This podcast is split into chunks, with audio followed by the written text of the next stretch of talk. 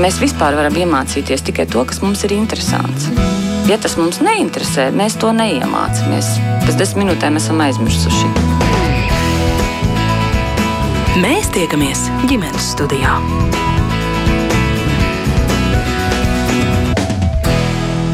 Labdien, klausītāji! Vecākiem šķiroties, cīņa par bērniem mēdz būt nežēlīgi. Gadu Latvijas bāriņtiesa sniedz apmēram 900 atzinumus tiesē par bērnu aizgādības tiesību noteikšanu un saskarsmes tiesību izmantošanas kārtību, un šis skaitlis parāda, cik daudzi vecāki nespēja vienoties sarunu ceļā par to, kā turpmāk būt kopā un tikties ar bērniem.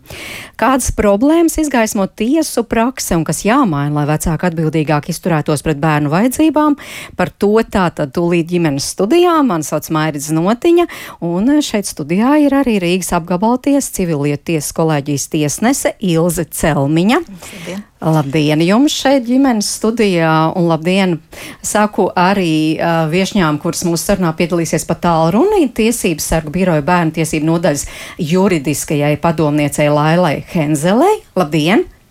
Labdien! Labdien arī certificētai mediātorei Ingai Vinterei. Sveiciens! Labdien! Jā, nu, protams, nevienam vairs eh, tas nav nekāds jaunums. Šķiršanās procents Latvijā ir stabili augsts, apmēram puse laulību tiek šķirtas.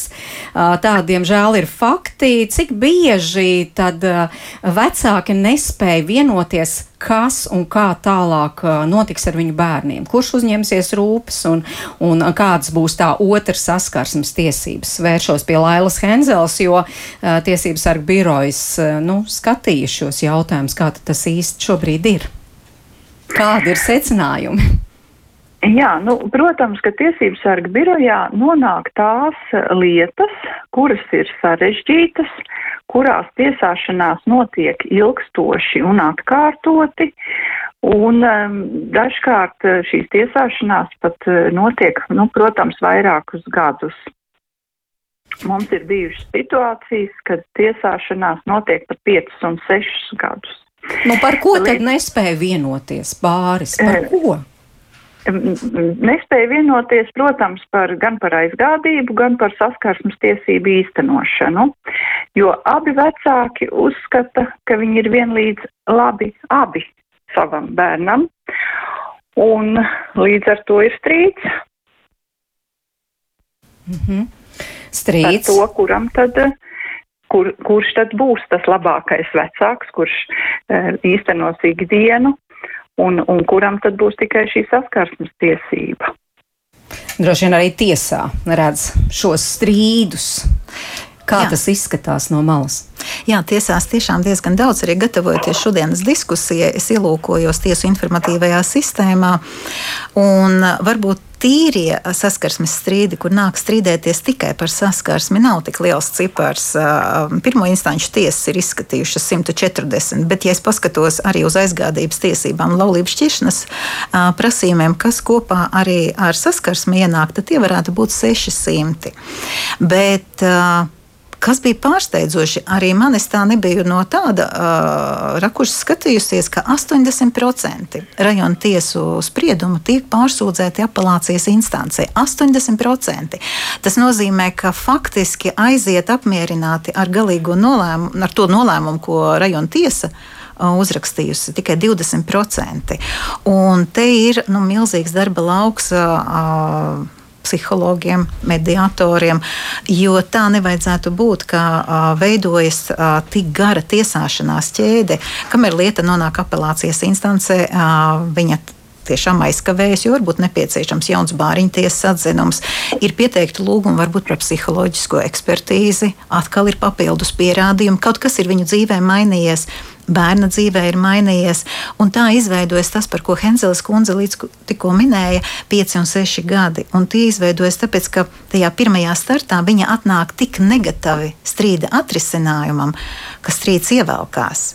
Jo mēs katrs jau esam ļoti individuāli un mēs veidojam savu ģimeni ar savu izpratni. Un tiešām ļoti bieži viņi abi kā cilvēki ir labi bet viņi nemāca atrast šo ceļu, lai sarunātos, lai atrastu nevis sev labāko, bet bērnam labāk. Jā, tieši tā, jo šajā situācijā jau strīdās pieaugušie, bet cietējs, nu tas lielākais cietējs no šīs situācijas ir bērns. Mediātore varat apstiprināt, ka tā tas tiešām arī ir.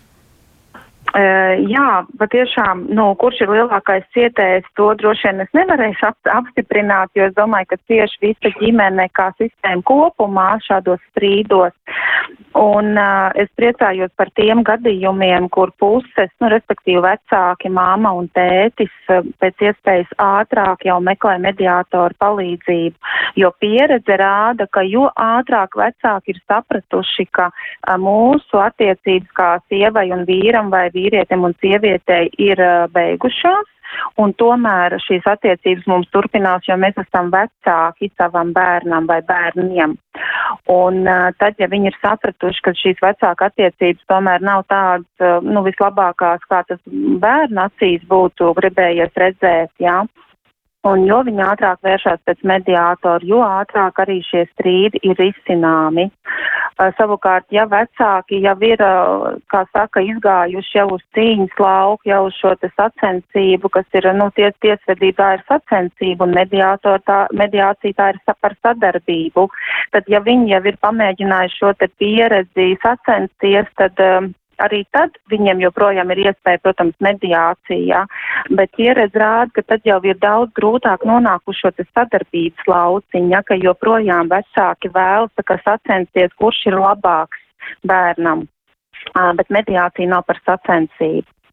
Un es, jā, varbūt, ja es varu paturpināt, tad kā šīs ciešanas mazināt, ir vērsties pie mediātora. Un mediācijas procesā, kur tad ir tas uh, maģiskais spēks? Tas maģiskais spēks patiesībā ir ļoti vienkāršs, bet ikdienā grūti uh, sastopams. Mediācijā puses uh, viens otru beidzot sāk dzirdēt uh, mediācijā viens otrus, uh, viņ, viņi izrunājās, katrs tā, izstāsta to savu stāpi, to savu redzējumu, tās savas sajūtas, savas emocijas, un tas otrs to visu dzird, un viņš pavisam ar laiku jau sāk skatīties visam savādāk, gan uz to otru pusi, jau uz tēti vai māmu, kā vecāku, ja, gan arī pats uz sevi, un tās lomas jau mazliet jau viņas kļūst tādas, nu, draudzīgākas, ja šīs attiecības, un tad jau šie sāpīgie jautājumi par bērnu saskarsmes tiesību īstenošanu, par aizgādības jautājumiem ir risināmi daudz vieglāk. Es nu, jūs teikt, sakāt, pamatā, jā. Jā, jūs Jā. sakāt vieglāk, bet jūsos klausoties, tas atkal ir ilgstošs process. Ja mēs te runājam par tiesu, ar tiesas iejaukšanos reizēm tie ir gadi, tad droši vien arī šādi vecāki, kuri nevar vienoties, ne jau viņi uzreiz skrien pie mediātora. Nezinu, jautāju Jā. Ilzai Celmiņai. Ļoti labi mediātors ieskicēja, ka vajag mediāciju pirms tiesas, un vairākas Aha. valstis ir gājušas šo ceļu, tad, kad vecākiem veidojas konflikts tieši par jautājumiem, kas skar bērnus, viņi ir spiesti iet uh, cauri šim mediācijas uh, procesam, cauri psihologu apmācībām, lai viņi iemācītos saprast gan sevi, gan to, kas ir ģimene un kā ģimenē viņiem rīkoties. Un tas dod iespēju vai nu vispār iztikt bez tiesas palīdzības, jo tiešām mm -hmm. tiesā nonākot, tas jau kļūst par kaujas lauku. Un mm -hmm. par šiem mhm. gadiem, gandrīz 20, kā es strādāju par tiesnesi, es ļoti reti, kad esmu redzējusi ģimenes, nu, kur atnāk un ir gatava vienoties. Viņi patiešām ir izgājuši uz kara takas. Ja, un te vajadzētu būt tam procesam nedaudz savādākam. Pirms sniegt tiesā, vajadzētu iet šo mediācijas procesu. Varbūt, ka pēc vajadzētu, varētu paraksturot arī ar piemēriem, starp citu arī tiesības sarga biroja pārstāvi, nu, tādā e, laipni dalījās ar mums ar, ar tādiem piemēriem iz dzīves. Tie patiešām nav izdomāti, tās ir situācijas, kā tas notiek, un lai labāk saprastu, kā tas notiek, es varbūt arī te mēģināšu mazliet palasīt, nu, piemēram, tā tad vecākiem trīs bērni, 3, 6, 11 gadi ir ilgstoši savstarpēji konfliktējošas attiecības, notiek šķiršanās process, bet kopdzīve turpinās, jo tiesa noteikusi pāris samierināšanās laiku. Bērnu tēvs paziņo par kopdzīves pārtraukšanu, jo ir uzsācis citas attiecības, un bērnu māte reaģē emocionāli, un bērnu klātbūtnē notiek vecāku strīds, arī trauku plēšana un kliekšana, un bērnu tēvu, tēvs notiekošo ieraksta, vēlāk nodod tiesai kā pierādījumu, un tiesa piemēro mātei pagaidu aizsardzības pret vardarbību līdzekli, tā liedzot jebkādu veidu satikties ar, un sazināties ar saviem bērniem un iegūt jebkādu informāciju par viņiem. Un tiesa nosaka bērnu pagaidu dzīvesvietu pie tēva. Vēlāk nosakot arī konkrētu pagaidu saskarsmes kārtību. Tomēr saskarsme nav īstenojama, jo tā noteikti saskarsmes personas klātbūtnē, bet saskarsmes persona vasarā izmantot atvaļinājumu. Un turklāt tiesa noteikusi, ka par saskarsmes laiku mātei sākotnēji jāvienojas ar, ar, ar saskarsmes personu un tēvu, un tad arī tiesa it kā pieļauj, ka vecāki var starp to savstarpēji vienoties, nu, bet reāli tā tad eh, bērni uz mātes zvaniem neatbild, un šī saskarsme nenotiek. Nu, piemēram, viena situācija vai atkal cita situācija, tur tiesāšanās procesā tiesa noteikusi tēvam noteikti saskarsmes kārtību ar četrgadīgu dēlu, lai īstenot saskarsmi. Tēvam bērns jāpaņem no bērna uh, un mācas dzīves vietas, kas ir privāta māja, un ikreiz aizbraucot pēc bērna, bērns mājas pagalmā paziņo, ka līdz tēvam nebrauks, jo to nevēlas.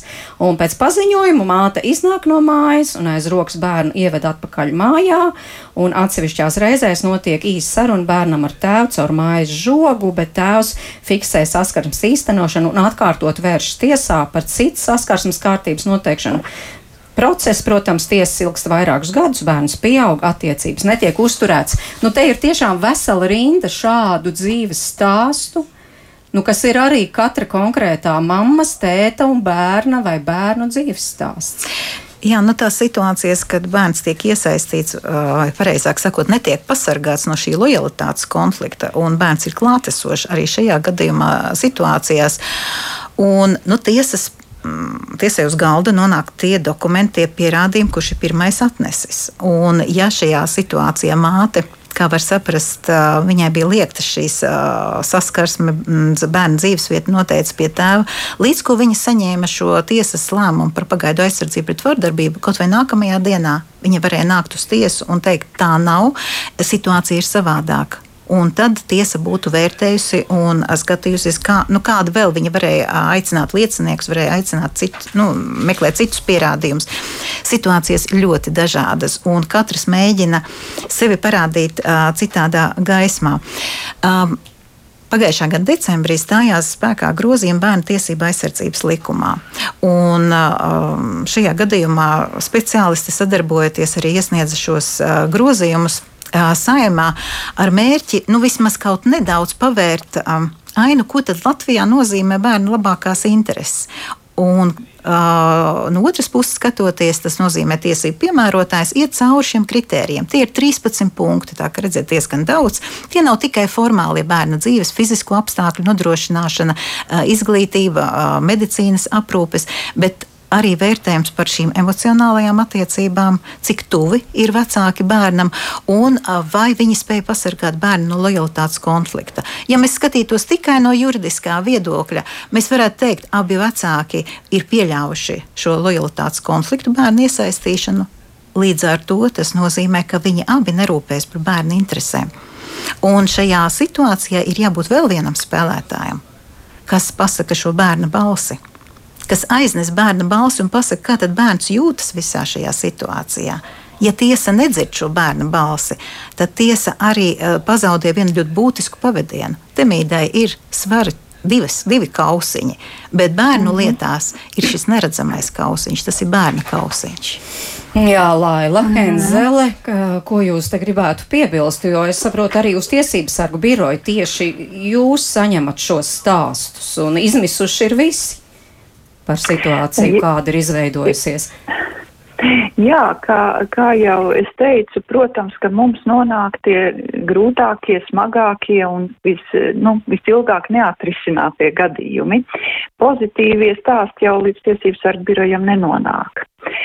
Bet mūsu vērojumi gan nav tik viennozīmīgi, jo Jā, pilnīgi var pievienoties par to, ka uh, vecākiem būtu jāprot arī šķirot savas attiecības, pārtraucot kodzīvi, spēt um, vienoties, kā viņu bērniem būtu vislabāk. Bet šajās situācijās, kad vecāki to nespēja, tad valstī tomēr ir jārod tāda sistēma, kas šo strīdu izšķir visaudzīgākā veidā bērnam. Un ir jādomā par to, vai tiešām šobrīd situācijā, kad mēs šo strīdus izšķiram vairāk vai mazāk, bet tomēr sacīt, ievērojot sacīksts principu, bet paturot, ka bērnu tiesības ir vissvarīgākās, vai tomēr, nu, vecākiem gādājot pierādījums vienam pret otru, es gribu teikt tā, jo mērķis jau nav pierādīt, ka es esmu labāks par to otru vecāku, bet mērķis ir pierādīt, cik tas otrs vecāks ir slikts, un tāpēc viņš nevar vai, vai viņam nevar ļaut tur saskarsmes tiesības vai aizgādīt vai tā. Tā ir liela problēma, līdz ar to tā sacīksta notiek. Un vai tas tiešām ir labākais bērnam? Jo ja valsts saka, ka strīdu izšķirs tiesa un nosaka šo mehānismu, tad vienmēr ir jāpatur prātā, vai šis mehānisms tiešām ir labākais vecāku strīdu izšķiršanas veids, vai tiešām tas mehānisms nav tāds, kas nodara vēl lielāku ļaunumu bērnam. Un tas ir tas, kas mūs nodarbina birojā, lasot šos iesniegumus, šos tiesas spriedumus. Um, bieži vien mēs arī uh, esam apveltīti ar, tu, ar, ar dažādiem ierakstiem, kā šīs uh, saskarsmes uh, tiesību īstenošanas situācijas tiek risināts un kā viņas notiek starp vecākiem.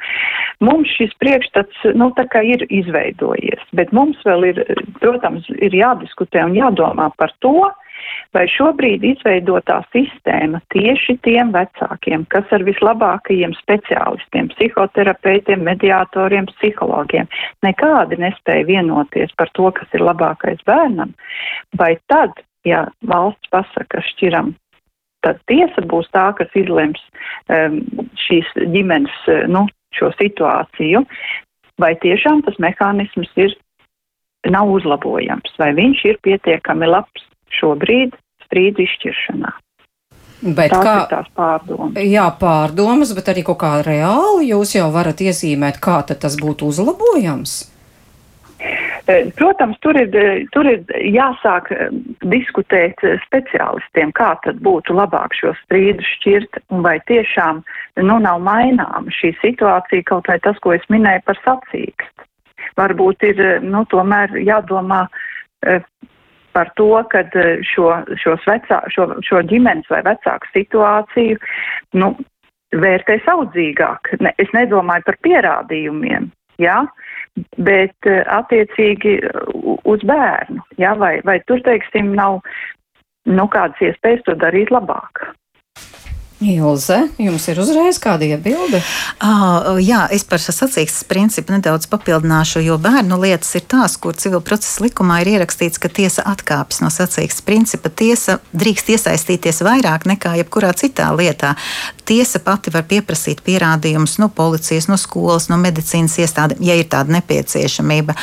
Tāpat arī tiesa skatās uz Māriņtiesas atzinumu, kas ir tāds, nu, viens no ļoti būtiskiem pierādījumiem šajās lietās, kas faktiski ir nu, pierādījumu kopums, ko atnes Bāriņtiesa uz uh, tiesu. Un var pieprasīt papildus informāciju, daudzi mani kolēģi pieprasa tos oriģinālos dokumentus, kas ir Bāriņtiesas lietā, jo grib paši redzēt, cik daudz vai tas nav selektīvi izvilkta informācija, lai varētu par to pārliecināties, varbūt nepieciešams papildus saruna ar bērnu. Uh, un vēl uh, arī iepriekš no tām uh, situācijām, kas tika minētas, man tiešām ir ļoti žēl dzirdēt, ja tiesa kādā spriedumā ir ierakstījusi pēc pušu vienošanās, vai vecākiem ir jāvienojas.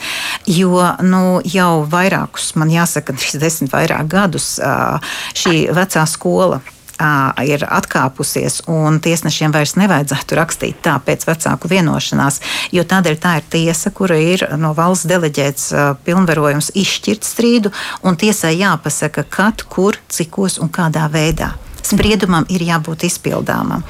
Un arī par to, ka uzklausot bērna viedokli un ņemot vērā bērna intereses, sprieduma rezultātīvajā daļā šādam tekstam pat nedrīkstētu. Es gribētu teikt, ļoti skarbi nedrīkstētu šāds teksts parādīties, jo visam spriedumam ir jābūt pieņemtam bērna interesēs. Un tad, kas notiek šajā izpildes procesā, tiesu izpildītājiem ir savi mehānismi. Viņš var pieaicināt psihologu, var lūgt bāriņtiesu piedalīties šajās sarežģītajās situācijās, var gatavot aktu un lūgt piemērot naudas sodu vecākam, kurš nepilda saskarsmes spriedumu. Un tad tiesa, saņemot šo pieteikumu, atkal vērtēs visu to situāciju un skatīsies, nu, vai šis vecāks tiešām ļaunprātīgi to nedara. Vai tas nav, nav radīts izdomāts, ka bērns nevēlas, vai viņš nav iespaidojis bērnu? Sistēma mums ir izveidota, protams, diezgan sarežģīta. Un, uh, vai var mainīt kaut ko? Tas ir mans lielais zvans. Visus šos gadus, kamēr es strādāju ar bērnu lietām, es skandinu, ka bērnam ir vajadzīgs šis īpašais aizbildnis civillietās. Vecāki konfliktē, viņi nespēja atrisināt strīdu bērnu labākajās interesēs. Ir vajadzīgs vienalga, kā to nosauksim, līdzgaitnieks. Mm, īpašais aizbildnis, sevišķais aizbildnis, juridiski var dažādus terminus atrast, bet ir vajadzīgs šis īpašais cilvēks, kas atnes bērna balsi, lai bērns ar viņu sarunājoties jūtas droši, lai viņš jūtas pasargāts. Jā, bet vispār cik būtiski ir bērna balss šajās situācijās? Eh, kurā vecumā jau ņem vērā bērnu viedokli, piemēram, jā, dzīvošu pie mammas, negribu tikties ar tēti, vai otrā dzīvošu pie tēta un negribu tikties ar mammu? Uh. Bērns ir saskaņā ar bērnu konvenciju. Bērns ir līdzdalīgs procesos, kas attiecas uz viņu. Viņam jāsniedz informācija viņam saprotamā veidā, speciālistiem ar viņu jārunā. Ne, netiek noteikta robeža, no kāda vecuma var ar bērnu runāt. Līdz ar to, ja psihologs saka, ka var noskaidrot bērna viedokli runājot, tad bērna viedoklis tiek noskaidrots. Bet es uzreiz pateikšu, tas nav veto. Nebūs tā, ka bērns pateiks, ka šādā veidā un tā noteikti būs. Tā tas nenotiek. Tiesa vērtē visu kopumā. Bērns var pateikt, es katru dienu gribu ēst šokolādi, teicis man ļauj, un tāpēc es gribu dzīvot ar tēti. Mēs taču saprotam, ka tā nenotiks, jo mēs vērtēsim, lai bērna attīstībai būtu labāk.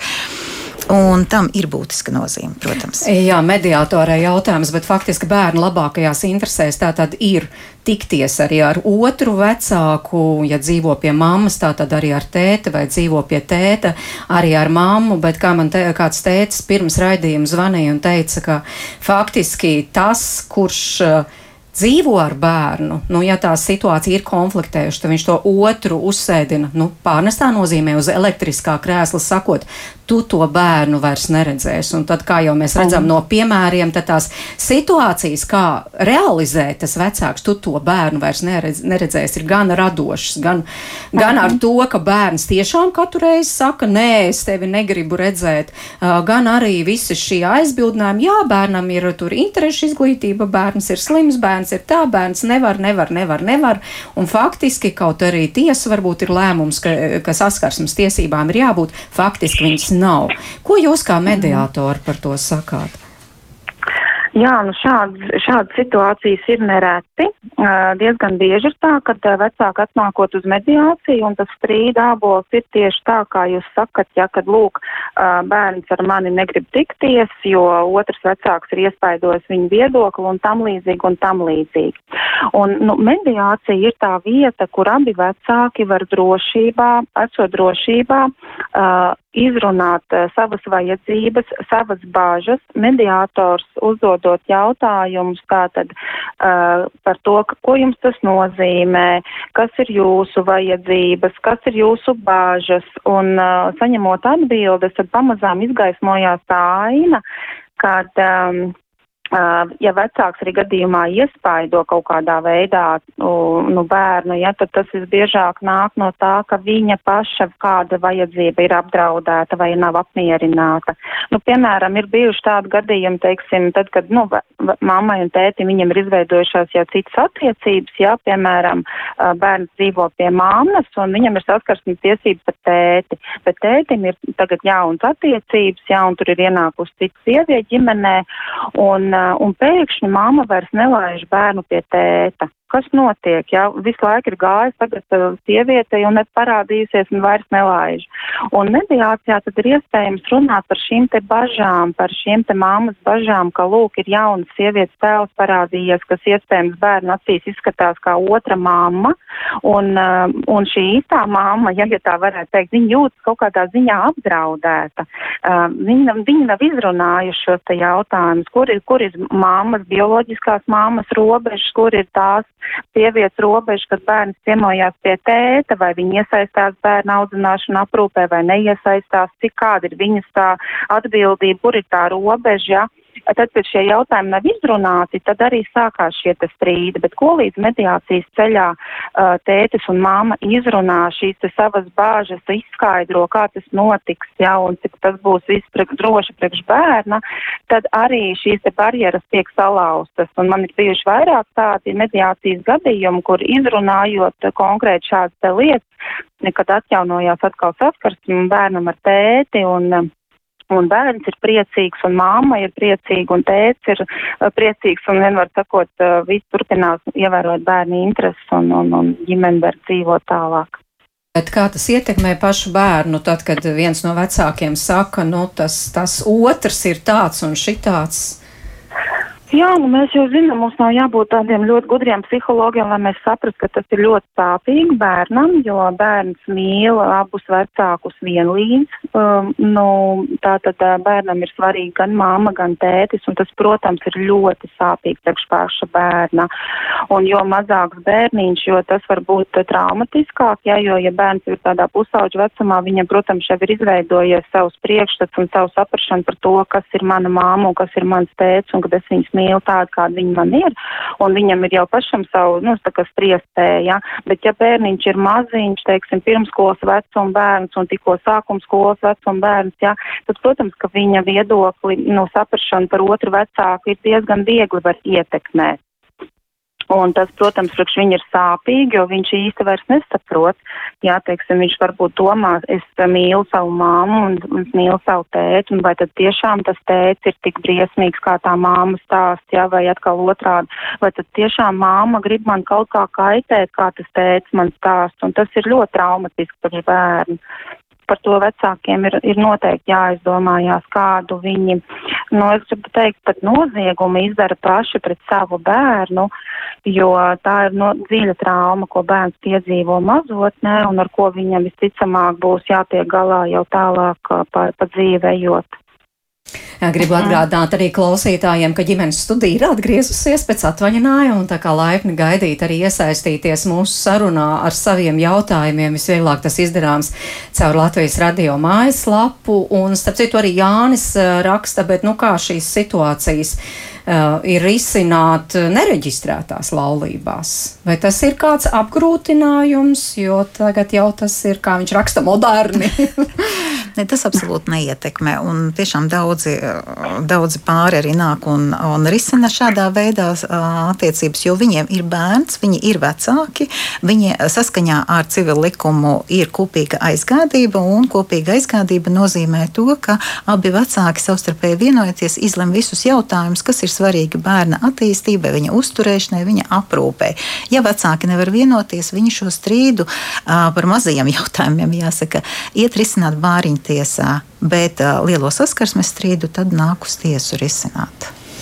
Mēs, jā, bija kāda piebilde. Jā, es no, mediā, jā. jā, es no mediātora puses gribu teikt arī tieši tā, ka mums arī ir tāda šis programmā ģimenes mediācija, ja, kur vecāki var vērsties pēc palīdzības pie mediātora, neskatoties uz to, vai viņi ir laulībā bijuši vai nav. Ja viņi ir vecāki jā, bērniņam, tad viņi droši var izmantot arī mediācijas uh, pakalpojumu palīdzību. Mēs tiekamies ģimenes studijā. Un šodien ģimenes studijā runājām par tām ģimenēm, kuras, kurās vecāki šķiras, un kas tad notiek ar bērniem, jo aizvien biežāk uh, nu, izveidojas tādas īstas konflikta situācijas, varbūt pat mazāk par to, pie kura no vecākiem bērns dzīvos, vairāk par tieši par to, kādas būs tā otra vecāka saskarsmes tiesības ar savu bērnu, jo, kā mēs jau dzirdējām šeit studijā, bērnu labākajās interesēs ir nezaudēt saikni ne ar vienu no vecākiem, ne ar mammu, ne ar tēti, un ja šis jautājums tiek risināts tiesas ceļā, arī par to mēs jau runājam raidījuma pirmajā daļā, tad šis risinājums var ilgt pat gadiem. Rezultātā bērns izaug, tā arī neiepazinis kādu no saviem vecākiem. Un es atgādinu, ka šodien pie mums studijā ir Rīgas apgabalties civilietu tiesas kolēģijas tiesnese Ilze Celmiņa. Tiesības sarga biroja bērnu tiesību nodaļas juridiskā padomniece Laila Henzele un arī dzēn certificēta mediātora Inga Vintere. Un uh, tagad es gribētu citēt uh, kādu uh, tēva vēstuli, meitas tēva vēstuli. Viņš mums raksta uz ģimenes studiju šī raidījuma sakarā. Tā būs tāda garāka, bet nu, es atļaujos to visu nocitēt. Nu, lūk, teica raksta tā. Vēlos uzsvērt to, ka mans gadījums ir noteikti nevienīgais, un tas ir īpaši ar to, ka mūsu valstī nepastāv mehānisms, kā pasargāt bērna intereses, abi vecāki ir tādi, kuri pastāv uz savām interesēm attiecībā uz bērnu. Bērns šajā vecāku strīdā cieš un pazūd. Uzvar tas vecāks, pie kura bērns ir deklarēts un ikdienā dzīvo. Tās ir manipulācijas, tā ir atriebība un emocionālā vardarbība. Manā lietā bija viss līdz pat manis piekaušanai no bērna mātes un vecās mātes puses bērnu klātbūtnē, kad bija ieradies uz saskarsmi. Viss bija pasniegts tā, ka es it kā ar varu esmu centies izraut raudošu bērnu no mātes rokām. Neskatoties uz to, ka visās tiesu instancēs un iestādēs bija teicis, ka, ja tiks noteikta viena vecāka aizgādība par bērnu mātei, bērns tiks izvests no valsts, tiesa lēma par labu mātei, un pēc mēneša bērns tika izvests no valsts, un mana saskarsme tika padarīta neiespējama. Es būtībā esmu zaudējis savu meitu, un valsts ir zaudējusi savu pilsoni. Mūsu valstī neviens, neviens nerisina strīdu par bērnu ar vecākiem, kuri ir normāli, bez sliktiem ieradumiem un materiāli nodrošināti. Neviens nerisina bērnu intereses emocionālās vardarbības kontekstā. Kad mana bērna tiesvedības procesa lietvedības fiziskais svars pārsniedz bērna fizisko svaru, es šo lietu pārtraucu. Piebildīšu, ka šobrīd notiek neregulāras saziņas ar bērnu caur Skype, bet šie zvani tiek uzraudzīti un komentēti no bērna mātes puses, un tas ir viens liels murgs un nevienam uh, es to nenovēlu. Vienīgais, kas bērnu māti interesē, ir bērnu uzturlīdzekļi, ko regulāri maksāju, bet pēc mātes domām tā ir kabats nauda 450 eiro mēnesī. Man vairs nav ko piebilst. Nu, lāk, lūk, tāda skarba situācija, protams, nolasot, nu īsti nevar saprast, mēs nedzirdam. Mātes viedokli, mēs nedzirdam bērnu viedokli, bet skaidrs, ka laimīgs šajās situācijās noteikti nav neviens no iesaistītajiem. Mediātori varbūt. Lūdzu. Jā. Jā, situācija izklausās tiešām sarežģīta, un tieši tādā ir no tēva viedokļa skatīt situāciju, ko es šeit vēlos piebilst. Redzēt, mediācijā ir tāda iespēja, ka mediācija ļauj paskatīties uz situāciju daudz plašāk. Un ko tas nozīmē? Tas nozīmē, ja, piemēram, uz mediāciju piekristu nākt gan tētis, gan mamma, un netieši arī mediācijā piedalītos arī bērns, tad uh, mediācijā būtu iespēja izteikt gan tētim savu viedokli, gan runāt par savām vajadzībām, tāpat arī mammai un tāpat arī bērnam. Un uh, tad saliekot to visu kopā, tad uh, arī tas risinājuma ceļš arī pavērstos daudz vieglāk. Jo visbiežāk, kas, kas notiek, visbiežāk ir tā, ka um, arī mūsu sabiedrība, diemžēl, ir tā, ka mēs gribam, lai kāds cits atrisina mūsu situāciju, lai kāds cits gudrāks, vai tas ir tiesnesis, vai tas ir bāriņties, vai tas ir sociālais dienas, vai varbūt tiesības sargs vai vēl kāds, jā. Ka mēs gribam, lai mūsu situācija risina citi. Bet kā gan tie citi var atrisināt mūsu situāciju, ja tā situācija radusies mums, mums pašiem, jā, mammai un tētim? Nu, lūk, un tad šajā mediācijas procesā, un tas nevienmēr arī ir garš process, man ir bijuši arī gadījumi, kur pietiek ar divām mediācijas sesijām, un kur vecāki, māma un tēts ir izrunājuši savas gaidas, savas vajadzības, savas bāžas, ir, ir nomierinājuši viens otru un, un raduši risinājumu, kad, cik ilgā laikā kāda tā saskarsme notiks. Ja? Ļoti vienkāršā, saprotamā, priekš viņiem saprotamā valodā tiek arī uzlikt uz papīra arī vienošanās praktiski, kā tas notiksies. Un ta, es redzu, ka tas ir tas ceļš, kad, eh, ka mums sabiedrība ir jāizglīto vairāk tieši par atbildības uzņemšanos, kad es esmu atbildīga par to, kas notiek ar manu bērnu, kas notiek ar manām attiecībām ar otru vecāku, ja tad ir šis atbildības jautājums.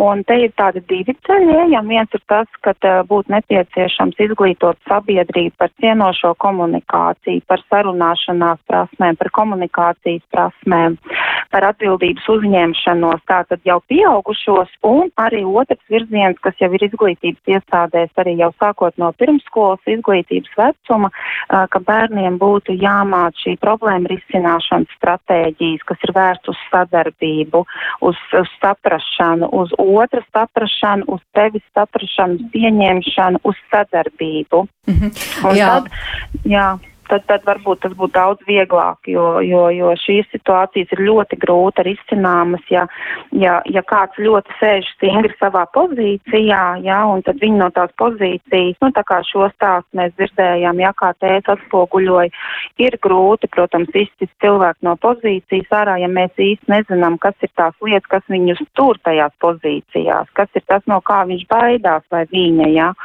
Un tad, kad tas ir izrunāts, ir saprotams, tad to, ar to var kaut ko darīt. Bet ja mēs nerunājam cienoši savā starpā, tad mēs ar to arī neko daudz nevaram izdarīt. Mēs varam meklēt tikai tādus, kas, nu, tā kā vāras demonstrēšana, jā, kurš varēs vairāk kaut kādu, teiksim, vai no ties, tiesnešu vai advokātiem vai bāriņties, nu, kas tādu so, sodīšanas sistēmas iesaistīt. Starp citu, vēl tāda piebilda no šī tēta, viņš arī klausās mūsu raidījumu, viņš saka, mums bija mediācija 20 stundas un vēl pa 20 stundām divas reizes kopā 60 stundas, no acīm redzot, tomēr rezultāts nav rasts, bet Lailai Henzelē es gribu jautāt, nu, ir arī ļoti veiksmīgas, es pieņemu šīs mediācijas, un tā izskanēja raidījuma pirmajā daļā no Ilzas Celmiņas puses, ka varbūt vajadzētu, nu, vismaz citās valstīs tā ir, ka tā tad mediācijas process tiek nozīmēts vispirms, pirms vispār tiesas process sācies. Uh, varbūt arī vajadzētu par to domāt Latvijā. Kāds ir jūsu viedoklis? Jā, nekad nav Eh, nepareizi un slikti mudināt eh, vecākus runāt, doties eh, uz mediāciju vai, pie, vai, vai izmantot psihoterapijas pakalpojumus. Tas nekad nav par sliktu un tas ir tikai labi vērtējams, pozitīvi vērtējams un atbalstāms. Kā jau es teicu, bet visiem, nu, visiem tas nepalīdz. Un mm. mums gribas domāt un ticēt, ka tie vecāki, kas spēj vienoties, E, un spēja risināt, tie jau pirms tiesas ir atraduši gan mediācijas pakalpojumu, gan psihoterapiju un savas situācijas atrisinājuši. Bet tiem vecākiem, kuriem ir šis konflikts ļoti augstā pakāpē, tiem palīdzēt ar mediāciju ir ļoti sarežģīti, jo, kā jau mediātori norādīja, tas ir par sadarbību, nevis par kaujām un cīņām savstarpējām.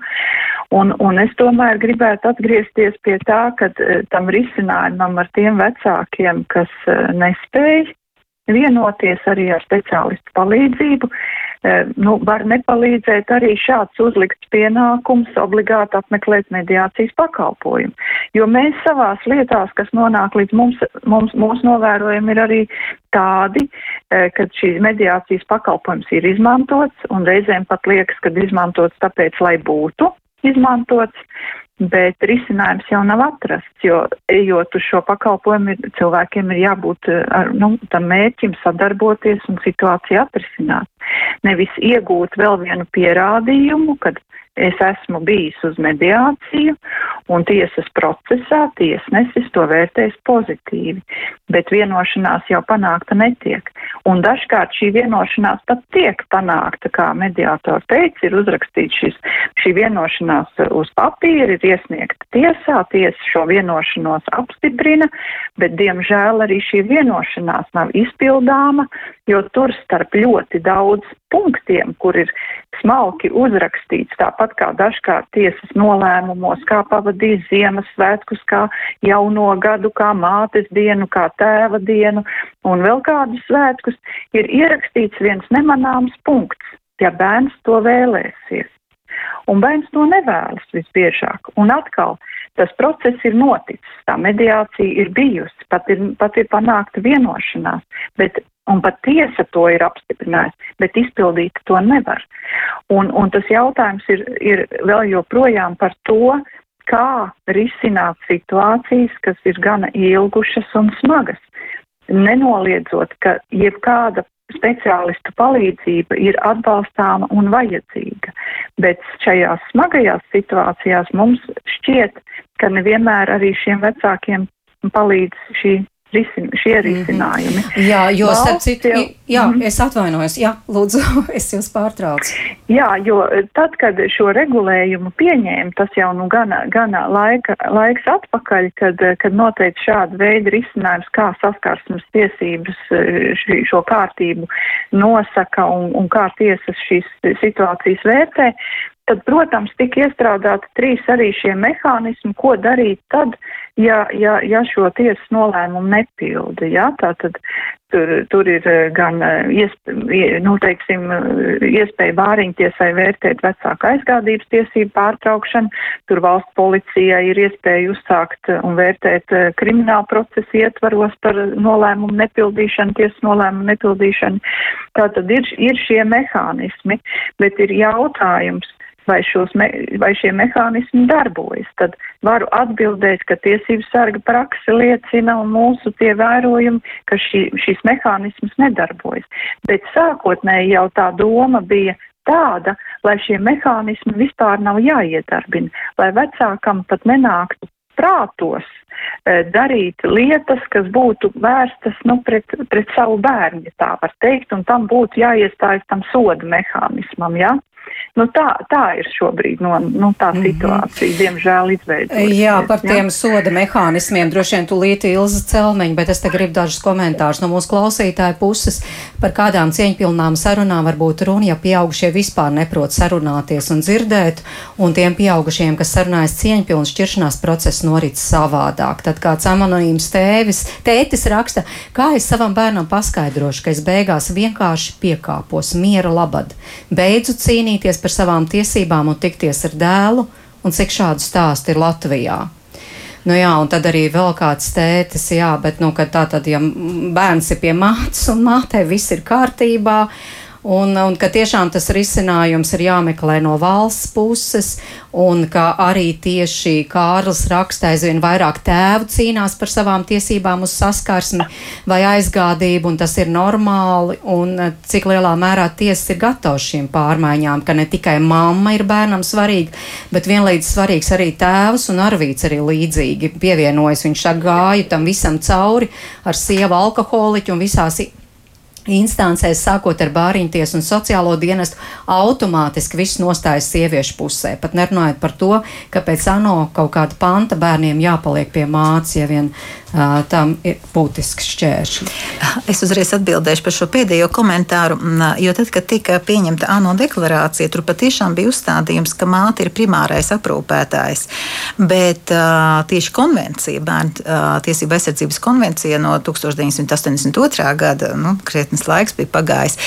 Tomēr uzsvaru liek uz abu vecāku vienlīdzību. Un, ja mēs juridiski uz šo jautājumu skatāmies, abi vecāki ir vienlīdzīgi, un te nevar būt runa, vai tiesas ir vai nav gatavas. Tiesai jāstrādā saskaņā ar likumu un jāvērtē tikai šis aspekts, vai tas atbilst bērnu labākajām interesēm.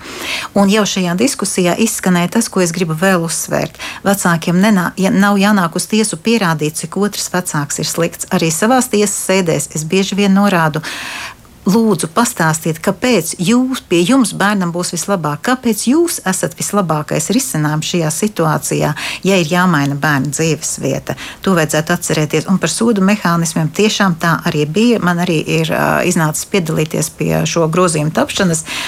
Mērķis bija, lai tie sodi būtu tik bargi lai vecākiem nenāktu prātā vispār nemaz nonākt līdz šiem sodiem. Bet, diemžēl, tas praksē nav īstenojis, jo valda šis tiesiskais nihilisms. Es varu neievērot tiesas spriedumu, un man nekas par to nebūs. Bet ir vēl dažādas nu, risinājuma varianti, uh, kurus cilvēki uzskata, ka varētu ieviest. Piemēram, es lasīju, ir tāds uh, izskan, ka varētu, piemēram, uh, ja liedz tiesi, saskarsmes tiesības kādam no vecākiem, tad tam, pie kura bērns dzīvo savukārt, tad nu, viņš nesaņem uzturlīdzekļus, piemēram. Tas Tur, ir iespējams. Jā, nu, tas nav tik vienkārši, bet, ja mainās bērna dzīves vieta, tad var apturēt uzturlīdzekļu piedziņu un sākt risināt par piedziņu no otra vecāka. Nu, tas viss ir tiesiskiem instrumentiem jārisina. Bet, ja ļaunprātīgi tiek liekta šī, šī saskarsme vai netiek pildīts spriedums, tad viens no mehānismiem ir iedarbināt par aizgādības tiesību pārtraukšanu, un bērns nonāk otra vecāka aprūpē bet ne visi tie vecāki, kas cīnās par saskarsmi, ir gatavi paņemt bērnu pie sevis savā dzīves vietā. Tur ir vēl viena problēma parādījusies. Un vēl kāds teica mums pirms raidījuma, teica tā, ka visās šajās situācijās, ka pat tiešām tas konflikts ir tik liels un kad arī vairs mediātori, psihologi neviens nespēja palīdzēt, bet cieši bērns ka vienkārši abus vecākus vajadzētu uz kādu laiku izolēt no bērna. Tā teikt, nu, bērnu paņemt prom, un tad lūdzu, vecāki, atrisiniet šo problēmu, atrodiet konkrētu risinājumu, un tad mēs jums atdosim bērnu. Viņš teica, un tad šis jautājums tika izla, tiktu izlēmts ļoti ātri. Dažreiz lekcijās man juristi saka, tā, ja mēs ieviesīsim šo jūsu piedāvāto sevišķo aizbildni, kā jūs sakat, uz tiesvedības laiku, varbūt pietiktu, ja jūs piedraudētu tikai zālē ar to. Jo tad vecāki iedomājieties, ka viņi zaudēs tiesību kaut ko noteikt sava bērna dzīvē tiesvedības laikā viņi apstātos un sāktu domāt, ka tas nav labākais risinājums priekš viņiem. Tagad teorētiski varētu. Tātad uh, punktu liek tiesības sarga birojas, jūs uh, aktualizējāt šo jautājumu. Kā tālāk tiks meklēt risinājumu? Jā, tiesības sargs uh, ir šobrīd atzinuma sagatavošanas procesā par saskarsmes tiesību īstenošanas jautājumu. Un, um, jā, mums būs daži risinājumi, kā mēs redzam šīs situācijas uzlabošanu, kas, protams, tiks piedāvāta nu, jā, Tieslietu ministrijai, politikas veidotājiem. Un, protams, aicinājums turpināt diskusiju un runāt uh, kopā, kā, kā tad šo situāciju tomēr mainīt un uzlabot, lai, lai arī tiesāšanās process par šiem saskarsmes un aizgādības jautājumiem būtu tomēr e, draudzīgāks un atbilstošāks bērnu interesēm, jo nu, šobrīd jau bāriņtiesai gan ir šis, šī bērna balss mūsu prāt e, arī tiesāšanās procesā. Un, un, un, bet, protams, šis iespējamais risinājums par sevišķo aizbildni būtu speciālistu diskusiju jautājums. Bet katrā ziņā situācija ir maināma un uzlabojama, jo ilgstoši jau vairs tā turpināties nevar. Jo viens arī ir tas, ka mēs tomēr dzīvojam tiesiskā valstī un, un šiem tiesas nolēmumiem ir jābūt izpildāmiem. Un viena no tām problēmām ir, e, kad e, tiesas nolēmtais nav izpildāms. Un nedarbojas arī valstī noteiktie mehānismi šajā, šajās lietās.